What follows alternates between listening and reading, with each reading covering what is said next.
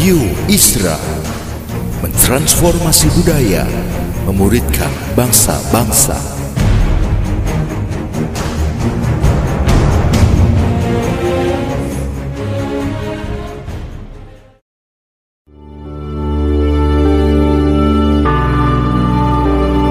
Apostolic Prophetic Messages mengungkapkan pesan dan arahan dari hati Tuhan bagi gerejanya demi menuntaskan mandat kerajaan Allah di Indonesia dan bangsa-bangsa. Selamat mendengarkan.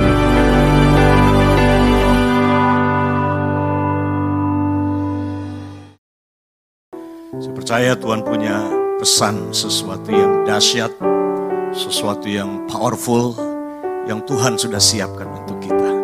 Nah, saya mau kita nyanyi lagu ini, uh, referennya aja lagu ini. Hari ini saya ingin kita flow bersama-sama dan nikmati hadirat Tuhan. Kita berkata bahwa in the presence of the Lord there's a fullness of joy. Dalam hadirat Tuhan di sana ada sukacita yang penuh, yang meluap dan melimpah.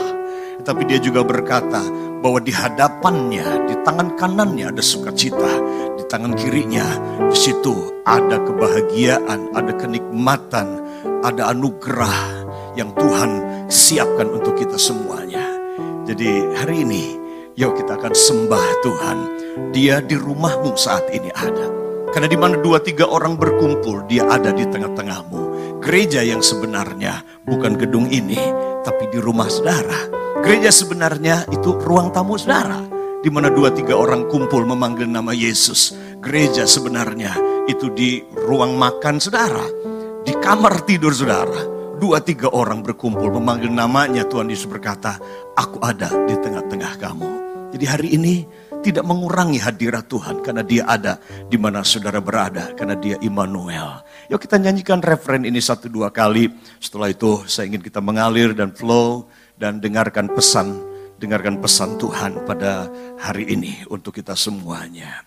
Ku yakin kau hadir di sini, ku rasakan kuasa yang tak terbatas. Ku yakin kau nyata di sini kemenangan terjadi di sini.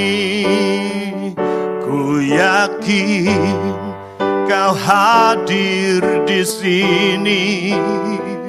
Ku rasakan kuasa yang tak terbatas.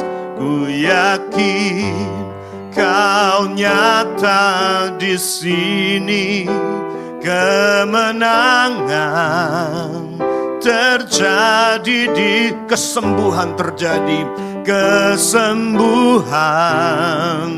terjadi di sini pemulihan pemulihan terjadi di sini kemuliaan kemuliaan terjadi di sini. Terima kasih Bapak di surga. Dan saat ini saudara yang sakit ambil kesembuhannya itu. Saudara yang membutuhkan pemulihan, ekonomi, keluarga, hubungan, anak-anak saudara. Saat ini ambil, ambil itu, grabs itu Ya, ambil itu dengan iman. Katakan aku terima pemulihanku. Aku terima kesembuhanku. Aku terima kekuatan saat lemah ini. Aku terima anugerah yang aku perlukan hari ini. Untuk aku berjalan dari kemenangan kepada kemenangan. Aku terima mujizatmu saat ini. Di dalam nama Yesus Kristus Tuhan. Engkau berkata Tuhan Yesus. Di mana engkau hadir di situ ada mujizat. Di mana engkau hadir di situ ada berkat. Di mana engkau hadir di situ ada damai sejahtera sejahtera. Dan saat ini dalam nama Yesus Kristus Tuhan, Engkau hadir di ruang makan semua jemaatmu. Engkau hadir di rumah mereka masing-masing. Saat ini dalam nama Yesus Kristus Tuhan, Engkau Immanuel, Tuhan yang hadir di mana kami ada saat ini. Dalam nama Yesus Tuhan, kami deklarasikan, hamba deklarasikan mujizat, pemulihan, kemenangan, kekuatan, penghiburan, damai sejahtera dan sukacita yang sempurna di dalam nama Tuhan Yesus Kristus. Terima sekarang dalam nama Yesus Tuhan. Haleluya. Terima kasih Tuhan. Ya, jemaat Tuhan, hari ini ada beberapa pesan uh, profetik yang saya lepaskan buat kita. Ya, saya percaya hari-hari ini Tuhan sedang bawa kita secara profetik ada shifting yang sedang terjadi. Ada sebuah pergeseran yang Tuhan sedang bawa kita. Ada sebuah perubahan besar-besaran. Nah hari-hari ini banyak orang hanya melihat COVID-19 ini sebagai sebuah interruption atau interupsi saja untuk satu tahun ini kita mungkin jengkel-jengkel selama satu tahun ini. Kapan COVID berhenti? Kapan kita bisa kumpul lagi ibadah sama-sama? Kapan lagi kita bisa berkumpul dalam jumlah yang banyak untuk bisa ibadah seperti sebelumnya? Beberapa saudara mungkin jengkel dan saudara marah. Tapi dengarkan ini, Tuhan sedang mengerjakan sesuatu COVID ini bukan cuma sekedar sebuah interruption atau interupsi dari Tuhan, tetapi COVID ini yang sedang terjadi adalah sebuah disruption yang menuntut kita melakukan perubahan ke depan. Karena tidak ada jaminan vaksin ini menjadi jawaban untuk COVID ini berhenti. Tidak ada. Siapa yang bisa menjamin? Apakah saudara pikir dengan satu suntikan semua virus yang mutasi begitu cepat sekarang ini. Ada virus yang dari Inggris, ada virus lagi dari beberapa negara di Eropa. Belum lagi kalau kita berpikir teori konspirasi, virus ini adalah buatan manusia yang direkayasa di lab. Ini lebih mengerikan lagi kalau berpikir seperti ini tentunya. Nah saya mau beritahu buat saudara, Bill Gates dia berkata bahwa 10 kali lebih hebat pandemi ke depan ini sedang mengancam kita. ada di depan kita. Apakah kita siap sebagai pribadi? Apakah kita sebagai gereja siap untuk ini? Kita harus mulai terbiasa. Ya, itu yang disebut the new normal ini. Kita harus terbiasa dengan pola ibadah yang balik ke rumah. Kita harus mulai terbiasa dengan suami di rumah pimpin perjamuan kudus. Kita harus mulai menjadikannya sebagai sebuah new normal. Untuk kita memuji menyembah Tuhan. Di mana para ayah di rumah itu yang pimpin Bible study. Kita harus mulai terbiasa dengan ini. Karena Tuhan sedang mengerjakan sesuatu ke depan ini. Dipercayalah apa pun yang terjadi hari ini lewat COVID yang sedang sedang masih kita pergumulkan. Bahkan untuk mencapai yang namanya herd community. Itu beberapa pakar mereka berkata mungkin 2023 baru itu tercapai. Nah yang terjadi adalah hari ini hampir di seluruh Indonesia. Begitu nanti ibadah dibuka. Kemudian ada satu orang ternyata positif COVID. Ibadah akan ditutup lagi semua akan di tracing lagi seluruh jemaat. Jadi itu sebabnya ketika ada orang tanya, ah, apakah Pak Samuel gereja sudah sudah uh, sudah on site ibadah? Saya bilang saya belum.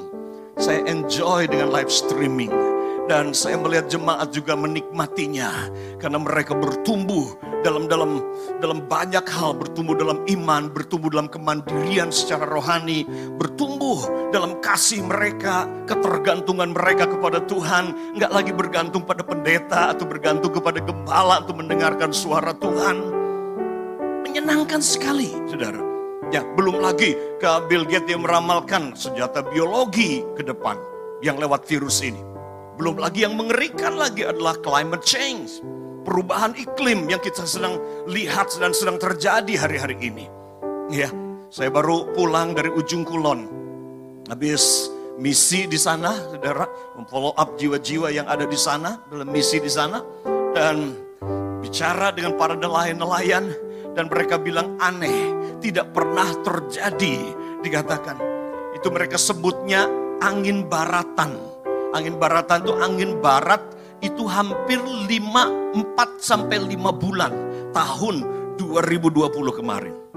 Ya. Dari mulai tahun 2019 2020 itu angin barat, itu artinya kalau angin barat itu para nelayan, entah itu nelayan ikan maupun nelayan bagan itu tidak bisa melaut.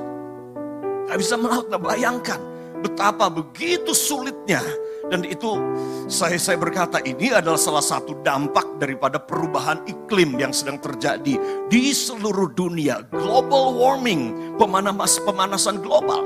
Dan kita gereja harus siap untuk perubahan ini. Saya percaya kata penting gereja hari ini. Penting kata ini.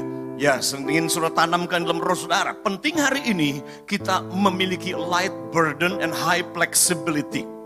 Kita punya beban yang ringan dan punya fleksibilitas yang sangat tinggi. Fleksibel artinya kita cepat berubah.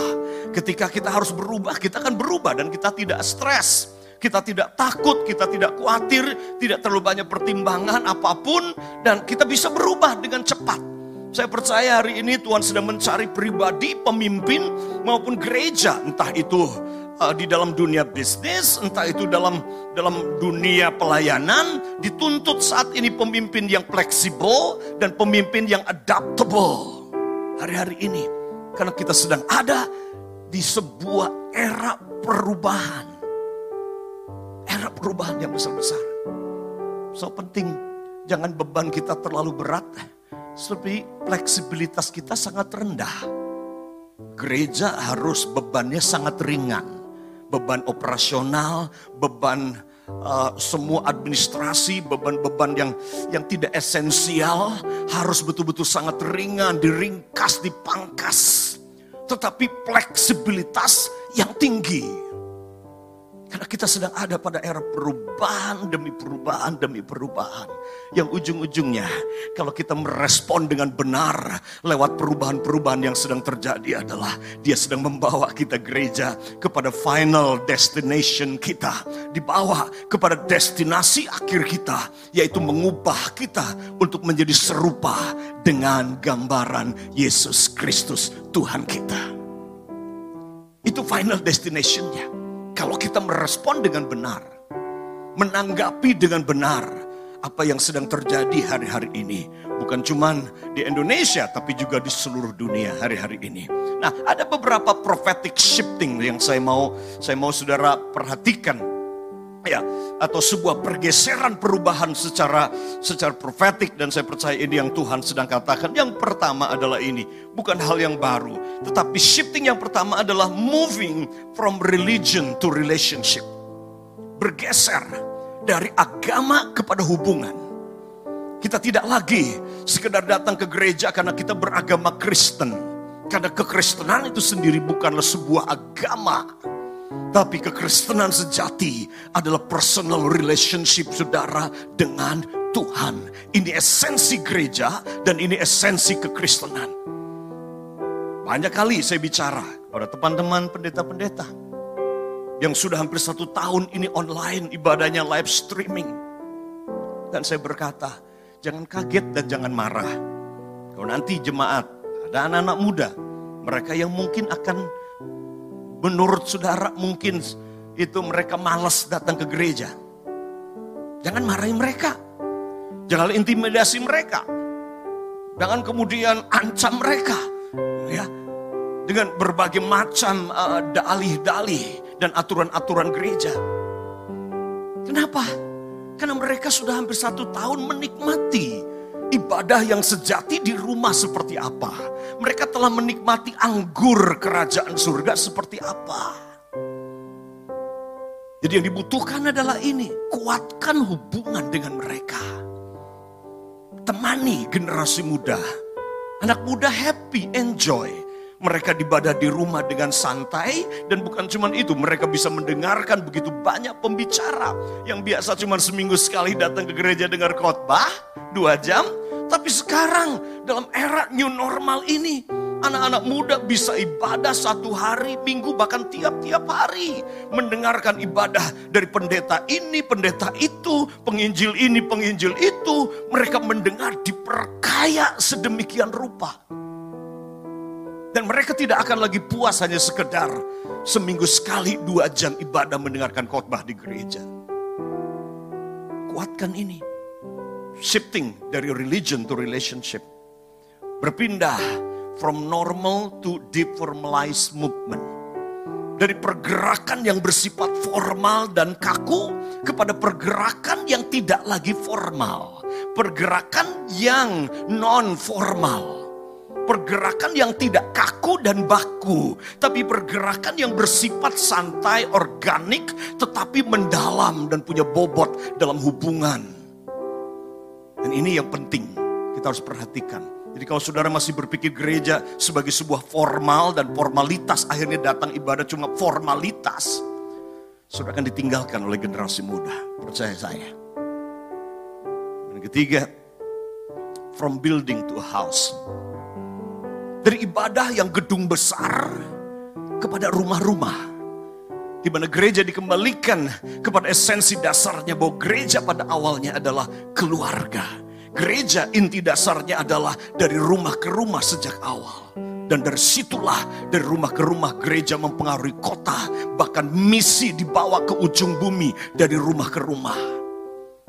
Hari-hari ini gereja hampir stuck dan tidak bergerak dalam misi dalam pengertian yang sebenarnya.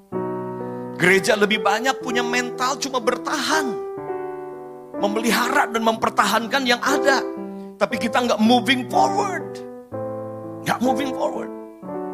So, mari jadikan rumah sebagai pusat pergerakan. Jadikan rumah-rumah, jemaat, keluarga-keluarga menjadi pusat pemuritan, pusat kesembuhan, pusat semua pergerakan yang Tuhan sedang kerjakan. Karena dia adalah Bapa.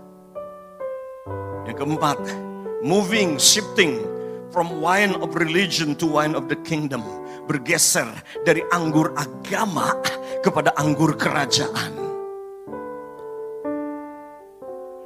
Dia buat mujizat air menjadi anggur pertama kali, bukan di bait suci. Tapi dia buat mujizat air berubah jadi anggur. Itu di keluarga. Wine of the kingdom.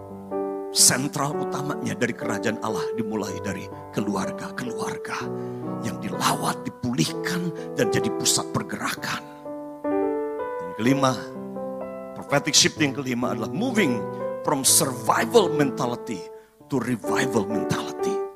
Berpindah dari mentalitas cuman survive Bersyukur 2020 ini kita survive nggak kena covid. Atau kita survive walaupun positif tapi kemudian setelah isolasi kita selesai, kita kelar. Ya survive, kita bertahan sebagai gereja. Jemaat nggak ada yang murtad. Wah survive. Walaupun saya yakin ada banyak rumah tangga yang semasa pandemi ini mengalami goncangan-goncangan yang hebat. Ada hubungan anak dengan orang tua yang tergoncang. Ada bisnis dan karyawan-karyawan yang alami goncangan dalam masa pandemi ini. Dan beberapa saudara nggak survive 2020.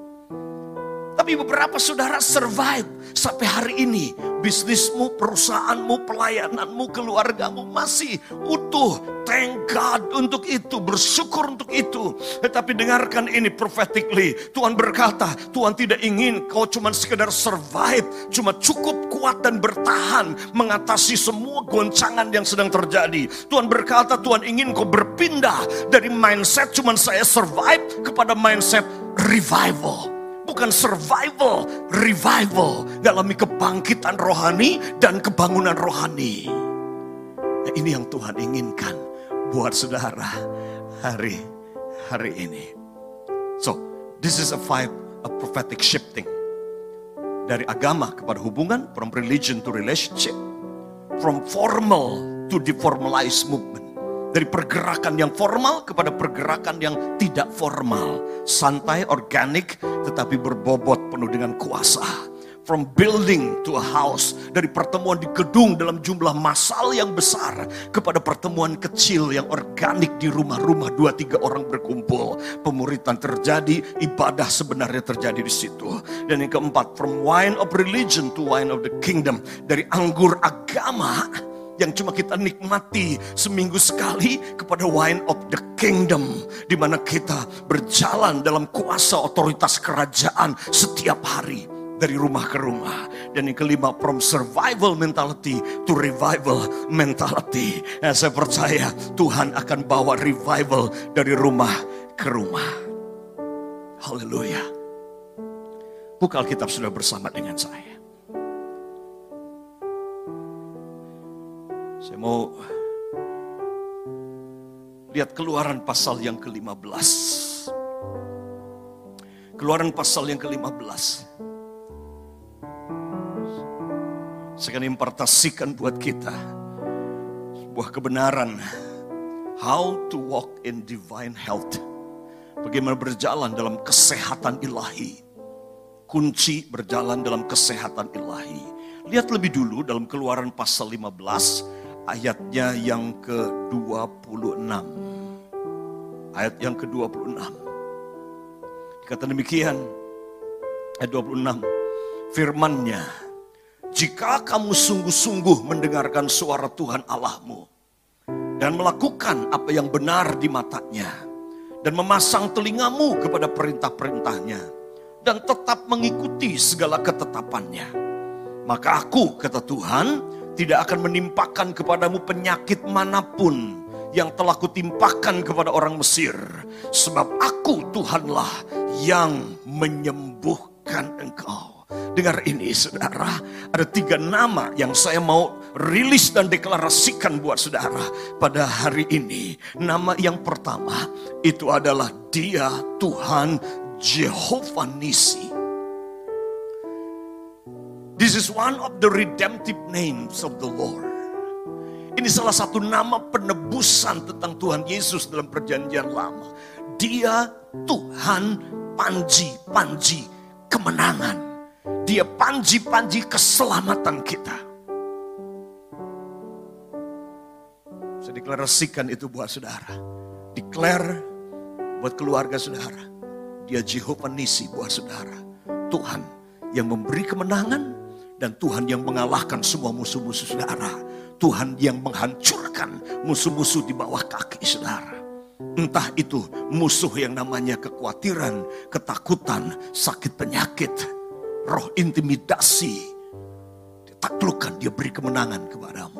Tapi yang kedua adalah ini, dia Jehovah Jireh, Tuhan yang menyediakan, the Lord God who provide for you. Saya mau deklarasikan ini buat saudara. Pada hari ini, dia Tuhan Jehovah Jireh buat hidup saudara. Sebagaimana 4000 tahun yang lalu Tuhan jadi Jehovah Jireh dan dia nyatakan dirinya kepada Abraham. Dan ketika Abraham disuruh Tuhan membawa anaknya yang tunggal untuk dikorbankan di atas gunung Moria. Nah Abraham taat, dia lebih mencintai Tuhan lebih dari anaknya bahkan. Dia lebih mencintai Tuhan lebih dari keinginannya sendiri bahkan. Dia bawa anaknya naik ke atas gunung Muria.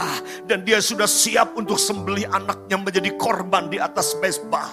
Demi cintanya dia, ketaatannya dia, imannya dia kepada Tuhan. Tapi begitu Abraham angkat pisaunya, Kemudian Tuhan dari surga bicara dan berkata, Enough Abraham, cukup Abraham. Aku sudah lihat bahwa engkau mengasihi aku lebih dari anak ini. Dan kemudian kita berkata dalam kejadian 22 Abraham dia menoleh. Dan dia temukan, dia lihat seekor anak domba ada di sana. Dan itulah saat Tuhan mewahyukan diri berkata, I am the Lord God, Jehovah Jireh. The Lord who provide. Tuhan yang menyediakan. Itu arti kata Jehovah Jireh. Bukan cuma menyediakan uh, kebutuhan keuangan saudara. Bukan cuma menyediakan kebutuhan untuk sekedar kebutuhan yang remeh-temeh buat hidup kita. Yang Tuhan siapkan 4000 tahun lalu buat Abraham itu adalah seekor anak domba yang adalah prophetic picture gambaran 2004 tahun yang lalu. Yesus anak domba Allah itu adalah penggenapan Tuhan sebagai Jehovah Jireh yang menyediakan Yesus anak domba Allah untuk keselamatan saudara dan saya.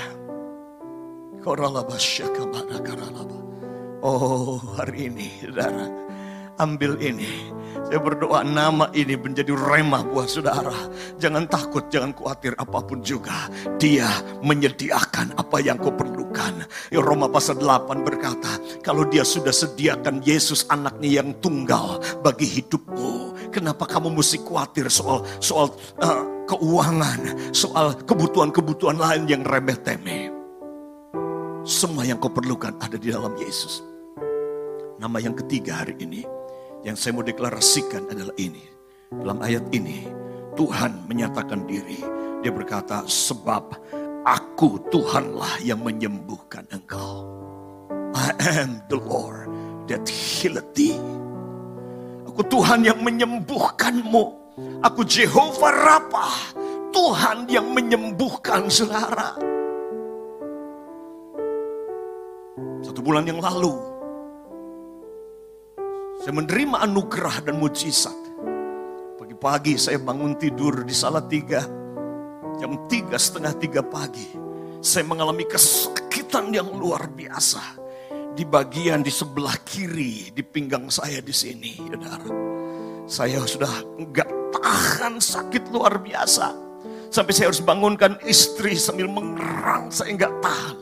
Saya bilang sayang, uh, bawa antar saya ke dokter waktu itu eh, memutuskan antara bawa ke IGD atau saudara ke dokter langganan saya di kampung, di desa dekat Pondok Penuai, di Getasan, di Kopeng. Dan pagi itu saya memutuskan ke sana, dibawa ke dokter langganan saya. Dan kasih obat disuntik. Dan sepanjang minggu itu saya harus bed rest. Dan Tuhan sembuhkan saya minggu depannya saudaraku. Kembali lagi pagi-pagi saya sakit sekali di bagian bawah di sini saudaraku.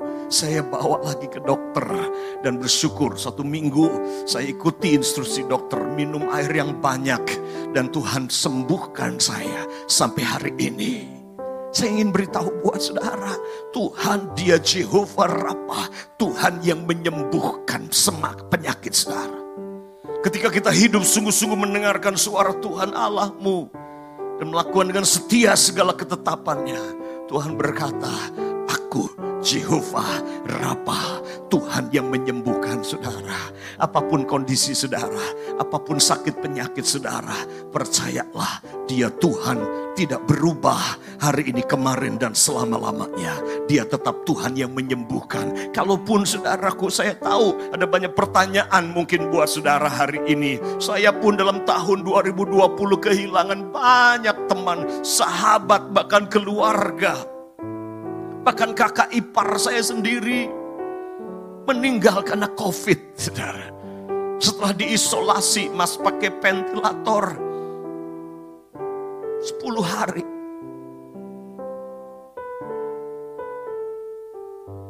Dan saya yang harus memakamkan kakak ipar saya karena COVID-19. Dan mudah sekali saat seperti itu. Istri anak bertanya, katanya Tuhan Jehovah Rapa, Tuhan yang menyembuhkan. Tapi kenapa Tuhan gak buat mujizat hari itu? Dengar saya beritahu buat saudara kondisi saudara, situasi saudara tidak mendefinisikan siapa Tuhan.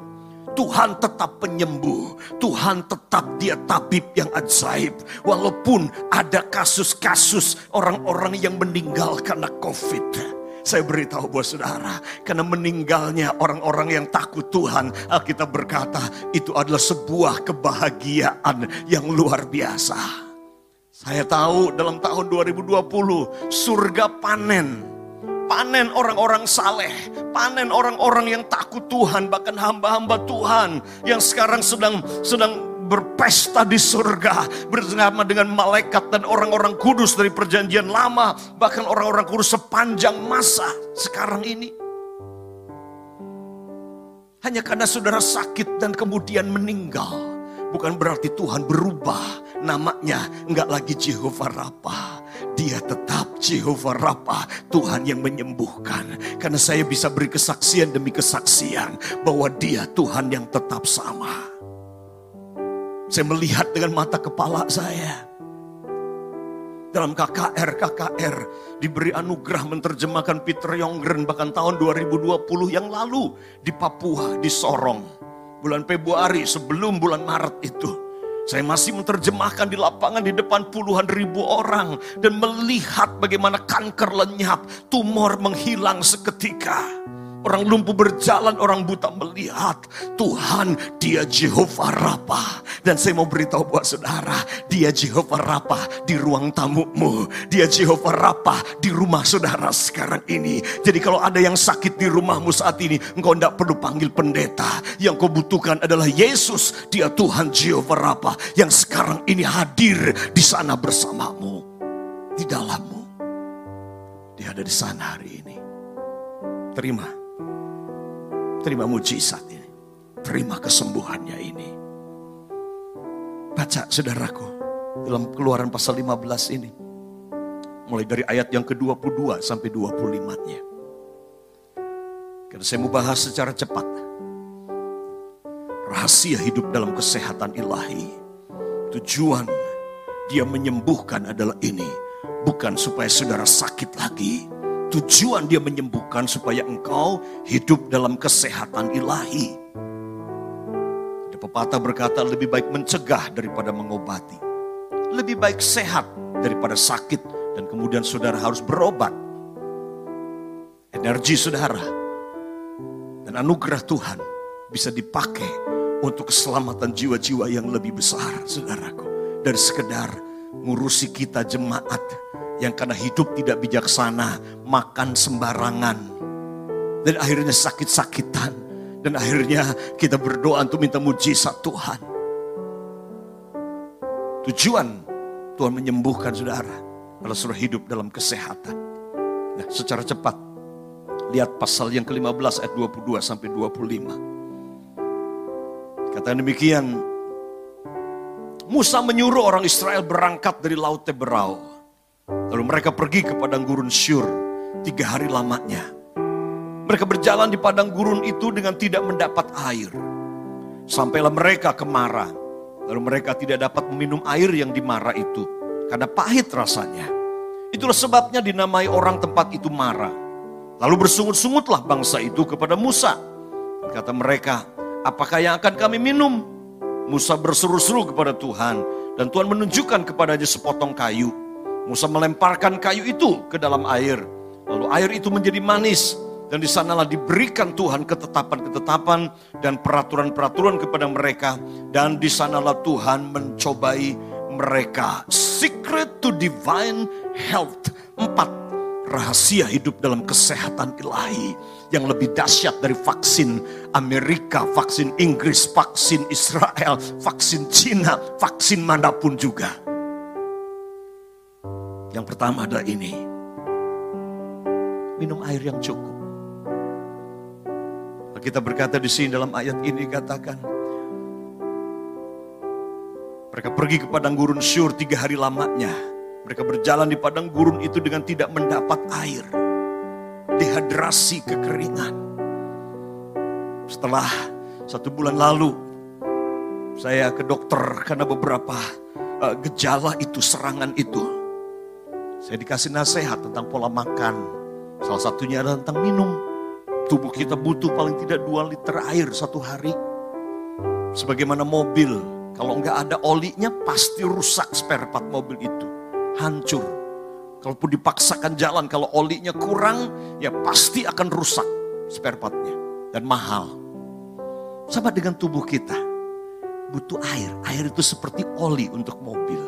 Air ini tubuh kita ini saudaraku itu mayoritas 90 persennya itu adalah cairan. Ini yang membawa semua protein ke dalam seluruh sistem tubuh kita. Karena itu kunci rahasia hidup sehat yang pertama adalah ini. Minum air yang cukup dan air yang bagus tentunya. Ya, minum air yang cukup. Ini yang pertama. Yang kedua adalah ini. Bangsa itu berjalan. Mereka kemudian sungut-sungut ya kepada Musa karena nggak ada air. Yang kedua rahasia sehat yang kedua adalah ini berhenti ngomel, berhenti bersungut-sungut, banyaklah bersyukur, banyaklah memuji Tuhan. Bersyukur memuji Tuhan, bersyukur memuji Tuhan, nyanyi lebih banyak, jangan ngomel yang lebih banyak. Bangsa ini bersungut-sungut sehingga satu generasi itu mati di padang gurun. Matinya bukan karena sakit penyakit, matinya karena sebenarnya akarnya karena banyak ngomel dan banyak bersungut-sungut. Hati-hati. Ini rahasia yang kedua kalau ingin sehat saudara. Banyak bersyukur, banyak memuji Tuhan. Stop ngomel, stop marah-marah, stop bersungut-sungut, stop saudaraku jadi orang yang ungrateful. Jadilah orang yang bersyukur senantiasa. Dan yang ketiga adalah ini. Bebas hidup, bebas dari kepahitan. Bangsa ini ketika ah, nggak ada air mereka ngomel bersungut-sungut. Tapi ketika mereka temukan kolam, ternyata airnya pahit. So, rahasia yang ketiga hidup sehat adalah ini. Jangan simpan kepahitan. Jangan simpan marah, jangan simpan benci, kecewa. Entah pahit sama Tuhan, pahit sama tetangga, pahit sama bos, pahit sama karyawan, atau pahit terhadap pasanganmu. Berhenti pahit, karena ini sumber penyakit. Saudara mau vaksin paling mahal sekalipun, kalau saudara nggak jaga tiga ini, yaitu minum air yang cukup, saudara. Yang kedua, banyak bersyukur memuji Tuhan dan kemudian bebas dari marah, kebencian, kecewa dan nggak bisa mengampuni dan kepahitan ini bebas dari ini. Kalau ini saudara nggak bebas dari tiga ini, vaksin sehebat apa pun nggak akan bermanfaat buat tubuh saudara, percaya saya. Dan yang keempat, yang terakhir, Musa melempar kayu sehingga air itu menjadi sembuh. Kayu berbicara tentang salib. Berfokuslah setiap hari. Pandanglah Yesus yang mati di kayu salib. Dia yang bangkit dan telah menang. Dia yang berkata, oleh bilur-bilurku kamu telah disembuhkan. Dia telah pikul dosa kita dalam tubuhnya di kayu salib. Sehingga oleh bilur-bilurnya kita telah disembuhkan. Hari ini, saya mau saudara berdiri di tempatmu saat ini. Kalau engkau sakit, apa pun sakitmu saat ini. Yuk, saya ingin kita nyanyi lagu ini, referen lagu ini. Karena hadirat Tuhan akan menyembuhkan saudara. Tuhan sendiri yang akan jamah saudara. Saya ingat saudaraku, beberapa belasan tahun lalu dalam KKR kesembuhan ilahi. Saya ingat betul ada dua orang yang tumor benjolan di sini seketika itu lenyap. Saudara benjolannya itu. Dan dia cerita bersaksi, dia berkata, waktu Pak saya berdoa dari mimbar, ada tangan yang menyentuh saya punya benjolan. Dan dia berkata, setelah itu hilang benjolannya. Jadi saya percaya ada tangan yang ajaib, tangan yang berlobang paku saat ini siap menjamahmu, melepaskanmu dan menyembuhkanmu saat ini. Yuk berdiri di tempatmu saat ini dalam nama Yesus Tuhan. berada bakar. Yuk saat ini berdoa bersama-sama. Ku yakin kau hadir di sini. Ku rasakan kuasa yang tak terbatas ku yakin kau nyata di sini kemenangan terjadi di sini. Ku yakin ku yakin kau hadir di sini. Ku rasakan kuasa yang tak terbatas. Ku yakin kau nyata di sini kemenangan terjadi di sini kesembuhan, kesembuhan terjadi di sini, kesembuhan terjadi di pemulihan, pemulihan terjadi di sini. Kuralala bashana ralala ya naralamu Ya ralala naralamu E ralala bashakana ranaralamu Ya ralala ya naralamu Engkau Jehovah Nisi Tuhan yang memberi kemenangan. Engkau Jehovah Jireh Tuhan yang menyediakan Engkau Jehovah Rapa Tuhan yang menyembuhkan.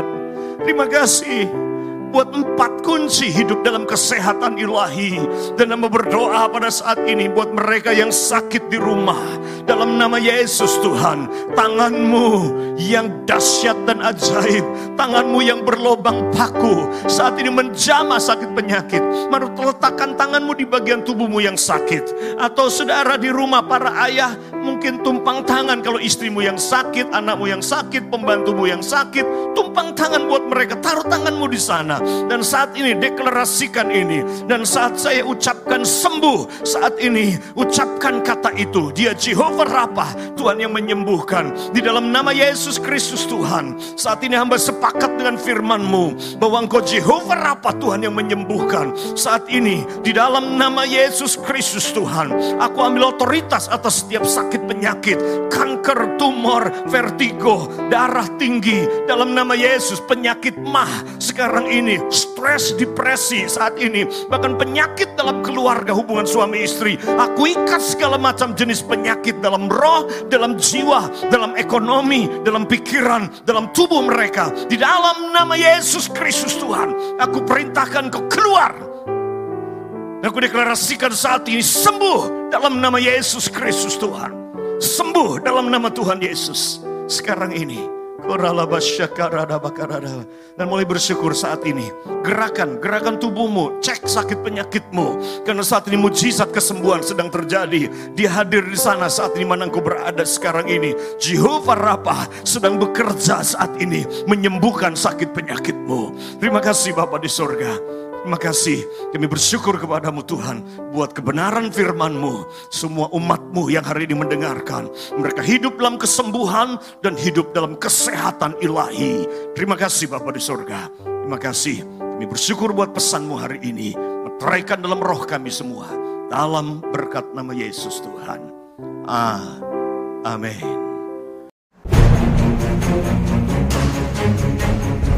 Radio Isra mentransformasi budaya, memuridkan bangsa-bangsa.